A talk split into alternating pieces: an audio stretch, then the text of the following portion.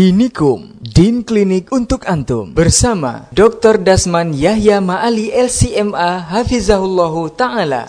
Assalamualaikum warahmatullahi wabarakatuh Ustaz Sebagai pengurus masjid di komplek perumahan Ana mohon sarannya Ustaz Bagaimana adab dan tindakan atau kami terhadap jemaah yang cukup bermacam ragam pendapat atau keinginan yang mereka usulkan Nah sebagian usulan mereka ada yang tidak sesuai dengan sunnah Rasulullah Sallallahu Alaihi Wasallam dan kalau kita tidak ikuti keinginan mereka ini, sampai-sampai mereka tidak mau berja berjamaah sholat di masjid. Jazakallah khair.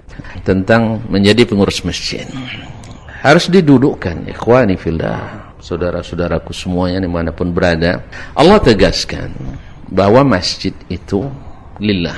Makanya seorang membangun masjid lillah. Man bana masjidan lillah banallahu lahu baitan fil jannah. Siapa yang bangun masjid karena Allah, Allah akan bangunkan baginya istana di surga. Berarti siapa pun yang bikin masjid harus lillah, diserahkan kepada Allah Subhanahu wa taala. Artinya apa? Allah tegaskan wa annal masajida lillah. Bahwa sesungguhnya seluruh masjid itu milik Allah. Jadi bukan milik yayasan, bukan milik masyarakat, bukan milik pemerintah. Pemerintah nak bikin masjid harus lillah.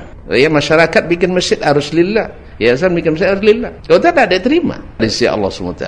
Oleh sebab itu pengurusan masjid pun harus mengacu karena Allah SWT. Fala tad'u ma'allahi ahada. Jangan kalian menyeru, jangan kalian beribadah bersama ibadah kepada Allah kepada yang lain. Oleh itu, masjid mesti diurus dengan aturan-aturan Allah Subhanahu wa taala. Ada hak-hak masjid, ada kewajiban-kewajiban kita terhadap masjid, ada syarat-syarat kita boleh di masjid, ada adab-adab yang harus jaga di masjid. Maka pengurus masjid di samping ahli dalam administrasi dan manajemen, lebih harus pula berilmu tentang apa yang harus berlaku di masjid. Maka kalau seandainya ada maklum masyarakat itu kan banyak keinginannya, jelas.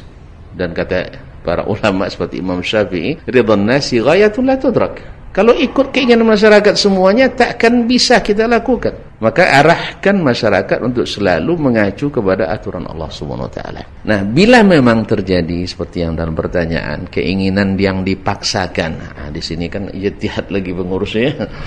ya untuk mencari yang sifatnya aqallu au akhaffud dararain. Mana mudarat yang lebih ringan?